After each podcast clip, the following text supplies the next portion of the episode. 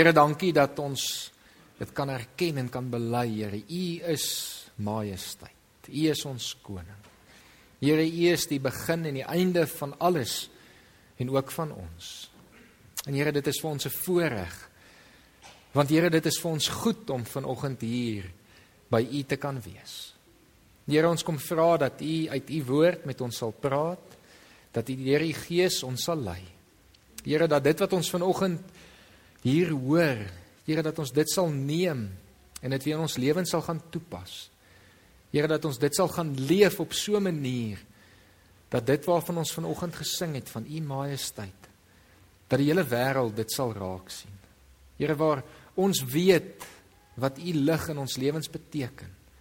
Dat die wat nog in die duisternis wandel, ook u lig sal kan sien deur ons wat dit na hulle toe bring. Ons loof u en ons prys u daarvoor. Amen. Ons gaan vanoggend lees uit Psalm 8. Julle is welkom om daar saam met my oop te maak. Baie bekende Psalm, 'n geliefde Psalm opskrif lof aan die Skepper.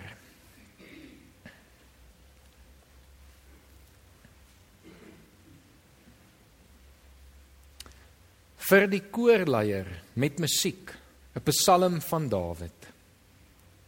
Here, ons Here, hoe wonderbaar is U naam oor die hele aarde. Hoe glansryk alles wat U in die hemelruim geplaas het. Kinders en suigelinge besing die magtige werk wat U tot stand gebring het. So word U teestanders, die vyande en wraakgieriges tot swye gebring. As ek die hemel aanskou, die werk van die vingers, die maan en die sterre waaraan U 'n plek gegee het, wat is die mens dan dat U aan hom dink? Die mensekind dat U na hom omsien. U het hom net 'n bietjie minder as 'n hemelse wese gemaak en u en hom met aansien en eer gekroon. U laat hom heers oor die werk van u hande. U het alles aan hom onderwerp, skape en beeste, alles, selfs die diere in die veld, die voëls in die lug en die visse in die see wat die oseane deurkruis. Here, ons Here, hoe wonderbaar is u naam oor die hele aarde. Hoe gaan dit met jou verhouding met die Here? Gaan dit met jou verhouding met God? Openbaring begin met 'n boodskap aan al die gemeentes van die vroeë kerk. En elke boodskap begin in die lyn van wat hulle goed doen en reg doen en wat die Here van hou en wat hom behaag. Maar dan sou ook 'n gedeelte waar elke gemeente aangespreek word oor dit wat hulle verkeerd doen.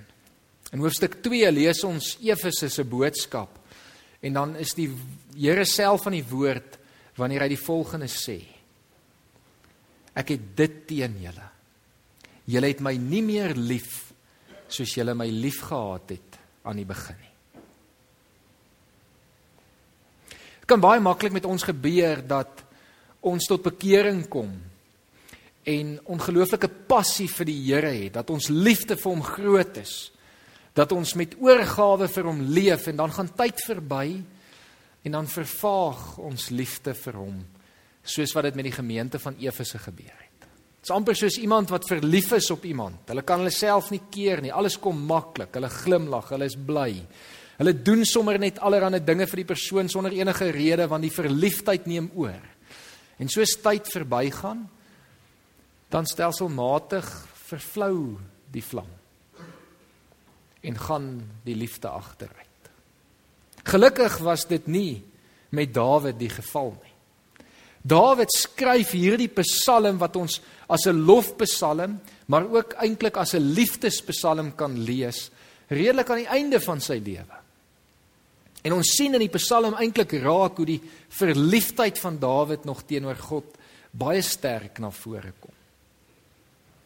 Meeste mense reken dat Dawid die Psalm geskryf het nadat hy een aand besluit het om 'n ent in die veld te gaan stap. Julle weet Dawid was 'n man van die veld. Hy het vir 'n groot deel van sy lewe as herder in die veld by sy skape geslaap en hulle opgepas. 'n Groot deel van sy lewe moes hy vlug vir sy vyande en het hy ook weer eens in die wildernis gebly en oorleef. Hy was 'n man wat gemaklik was in die veld en ons kan eintlik onsself maklik indink dat die paleis partykeer vir hom bietjie te veel geraak het en die spasie te min. En daarom besluit hy om te gaan stap in die veld. Dit wat vir hom 'n tuiste is, daar waar hy gemaklik voel. En een aand terwyl hy stap, dan begin hy nadink oor sy lewe. Hy begin terugdink aan wat alles gebeur het en hy begin dink aan die rol wat God in sy lewe gespeel het. En dan stop hy net by hierdie een gedagte van God se naam. En dan sê hy dit: Here, ons Here. In Hebreëus Jahwe Adonai. Hoe wonderbaar is U naam. En ons sien die verliefdheid van Dawid terwyl hy hier stap baie duidelik raak.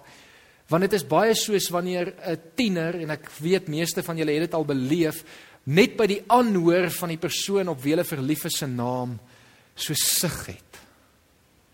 Jy's noem dit net en dan oh, is vir hulle net so goed. Is vir hulle net so mooi. Daar's 15 Johans, maar dis hierdie Johan wat hulle knieë lam maak. Of Anna of wie ook al. En is eintlik hierdie wat Dawid probeer verwoord wanneer hy hierdie sê Here, ons Here. Dis 'n totale oorgawe. Wanneer ons dit sou vertaal uit die Hebreë sou ons dit ook kon vertaal met Here my koning. Here my God. Dis Dawid wat net kom en sê Here, ek gee myself oor aan U want net U naam is vir my goed en mooi en wonderlik. Ons het daardie laaste vlamlied so ietsie van die Here se naam ook probeer besing vanoggend. Vredevors, Vader, Almagtige. Ons het eintlik soveel name vir die Here en elkeen van die name wat ons aan God toeken is 'n naam wat hom verder probeer beskryf. Maar eintlik skiet almal tekort want God is so wonderlik. Maar elkeen van hierdie name help ons om iets van sy wonderlikheid te vertel. Van hoe goed hy is. Ek dink terug aan Moses wat vir God gevra het in die brandende bos, maar wie is u? Wie moet ek sê het my gestuur? En dan antwoord God met ek is.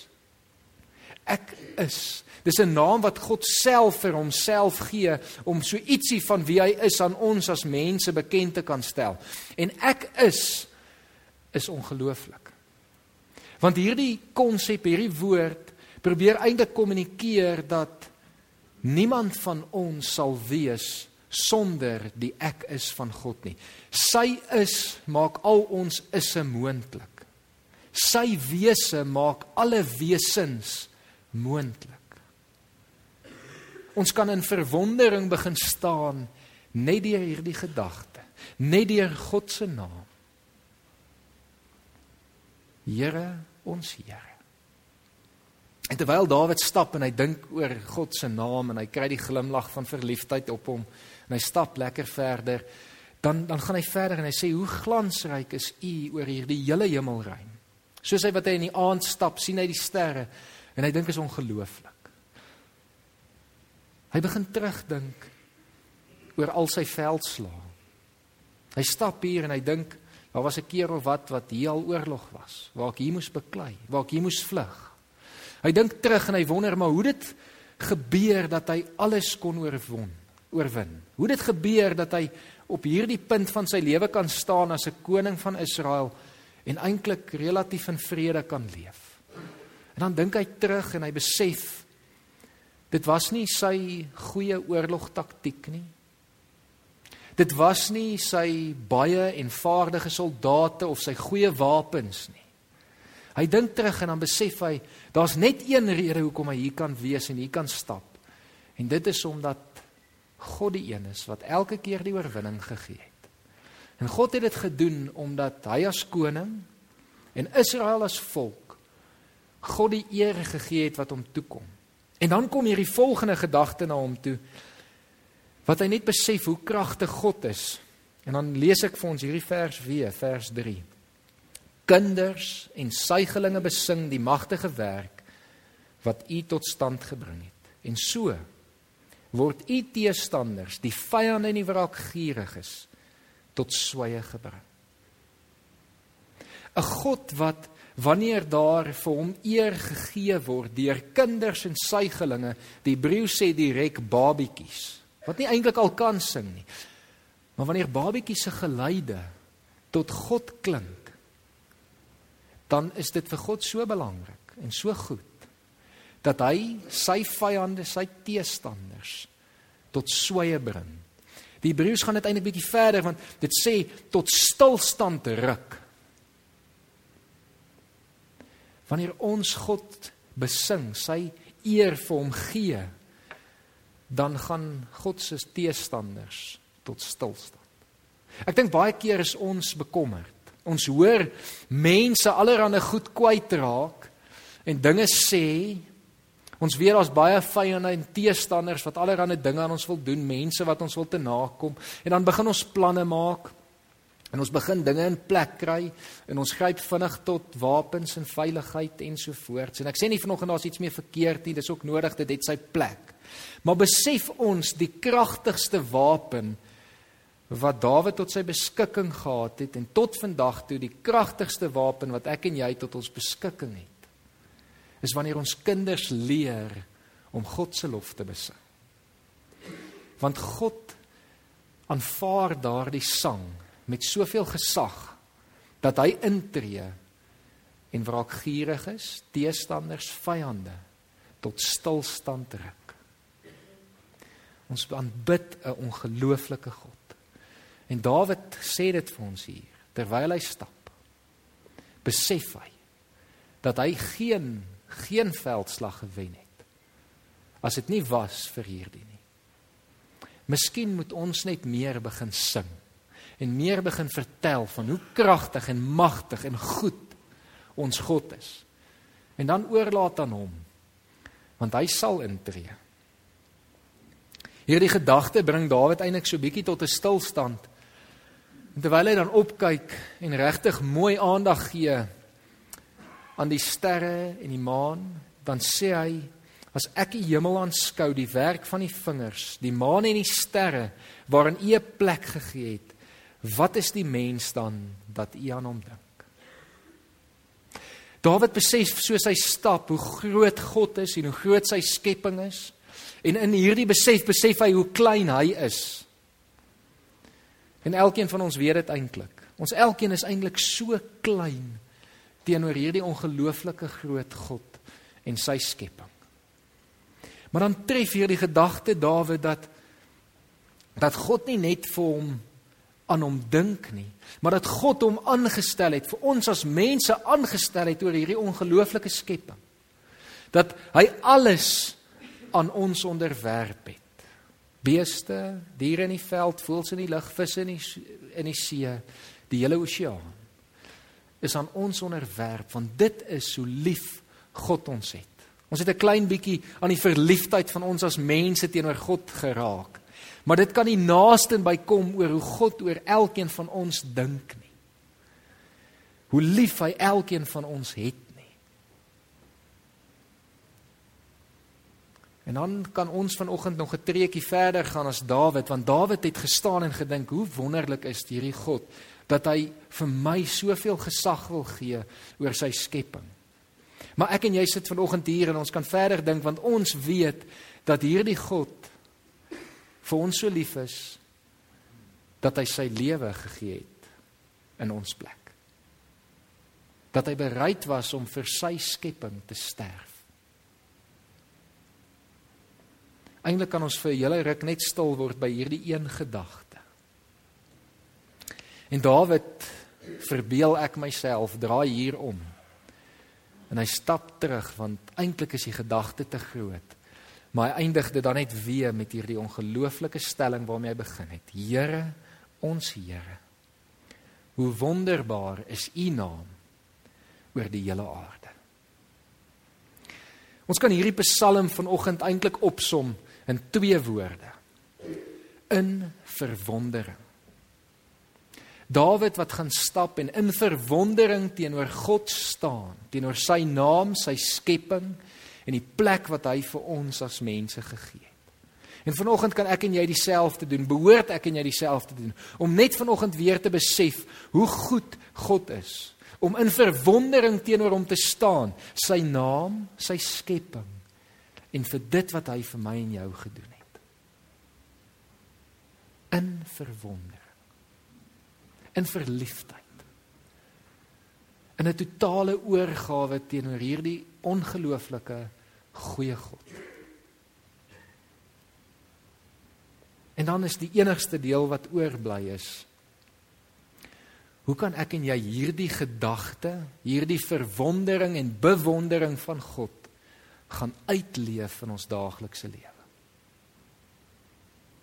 En in my nadenke hieroor het ek 'n klomp goed gaan skryf. Aanvanklik het ek gedink eintlik moet ek niks sê nie, want as dit as jy vanoggend voel wat ek hoop en glo jy voel en in die verwondering staan teenoor hierdie gedagte van wie God is, dan gaan jy eintlik outomaties net uitgaan soos iemand wat verlief is en jy gaan dit nie kan wegsteek nie.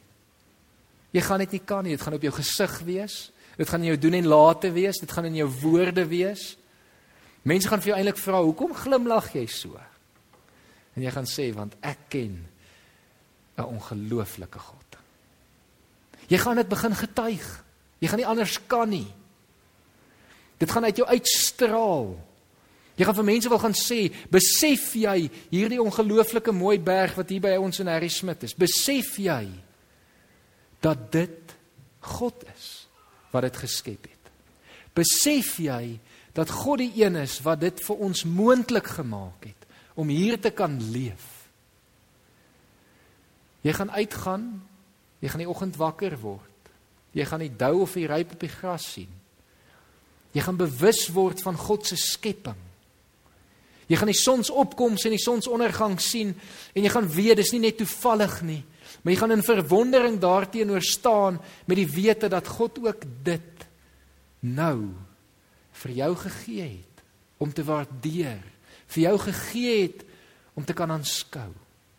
Jy gaan na elke deel van sy skepping, hoe klein hoe groot, elke klip, elke blommetjie, elke diertjie, voël, elkeen gaan jy sien en jy gaan weet dit is my God wat dit gemaak het. Wat dit moontlik gemaak Ek dink ons verval baie vinnig in negativiteit in. En ons verval verval vinnig baie in reëls en regulasies in. En baie keer mis ons net hierdie ongelooflike konsep van om verlief op God te wees, om in verwondering teenoor hom te leef. My vermoede is as ons dit begin doen, gaan ons nie anders kan as om mense met liefde te begin behandel nie. Want ons gaan ook in mense begin raak sien dat hulle ook God se skepsels is. 'n Gedagte wat my hierdie week getref het en ek nog mee worstel en miskien sal dit 'n volgende preek wees is wat sou gebeur as ek en jy so in verwondering teenoor God staan dat ons elke ander mens begin behandel as 'n seun of 'n dogter van God. Hoe sal ons mekaar begin behandel? Hoe sal jy jou vrou of jou man begin behandel wanneer jy begin dink, maar hierdie is God se seun. Hierdie is God se dogter. Hoe sal ons begin optree teenoor mekaar, selfs mede kollegas as hierdie gedagte net ons eie begin maak? Van hierdie is God se. Hy het dit gemaak, hy het dit geskep. Hy is die een vir wie ons die eer moet gee in verwondering moet staan. Ek dink, ek vermoed dat dit alles sal verander. En al hoe ek en jy dit gaan kan regkry is wanneer ons weer ons gedagtes en ons lewe fokus op die Here. As ons dit kan begin regkry om in verwondering en in verliefdheid teenoor God te gaan staan om te maak soos Efese gemaak het en sê ons moet terugkeer om met die liefde waarmee ons begin het weer teenoor God te leef. Ek en jy gaan dit nooit op ons eie kan doen nie. Ek en jy kan eintlik niks self regkry nie. Ons sal nie straal op ons eie nie. Maar wanneer ons teenoor God gaan staan, by hom tyd spandeer, hom bewonder, sal dit van self uit ons uitstraal. Jesus sê dit ook vir ons baie duidelik wanneer hy in Johannes 15 sê: "Julle is die lote. Sonder my kan julle niks doen nie." Maar ons moet verbind wees aan die wingerdstok en as ons aan hom verbind is en hom met saam met hom in 'n verhouding leef, dan sal die bewondering wat ons vir hom het outomaties in ons lewens begin uitstraal. Ek en jy kan nie vrug dra nie, maar as ons aan hom verbind is, sal sy vrug in ons lewens na voorskyn kom. Jy moet regtig net vir 'n oomblik nadink oor die gedagte dat God jou so liefhet dat hy vir jou gesterf het. En ek hoop dat jy dan in totale oorgawe en in verwondering van God hier gaan uitstap en dit gaan leef.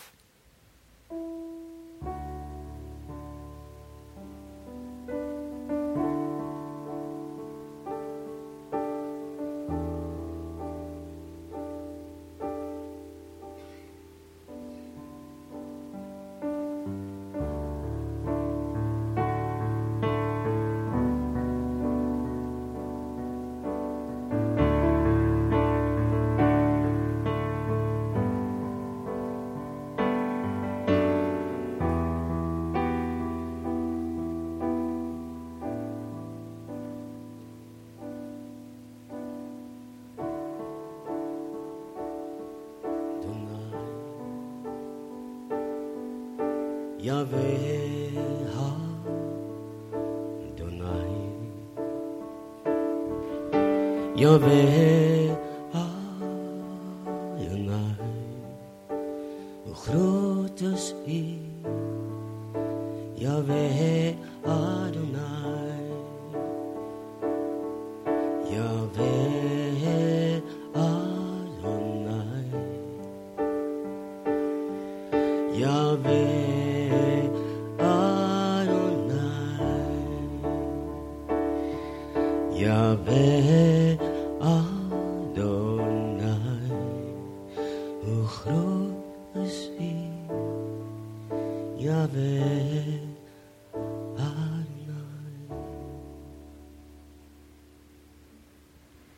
Here ons kan nie anders as om in verwondering teenoor U te staan nie.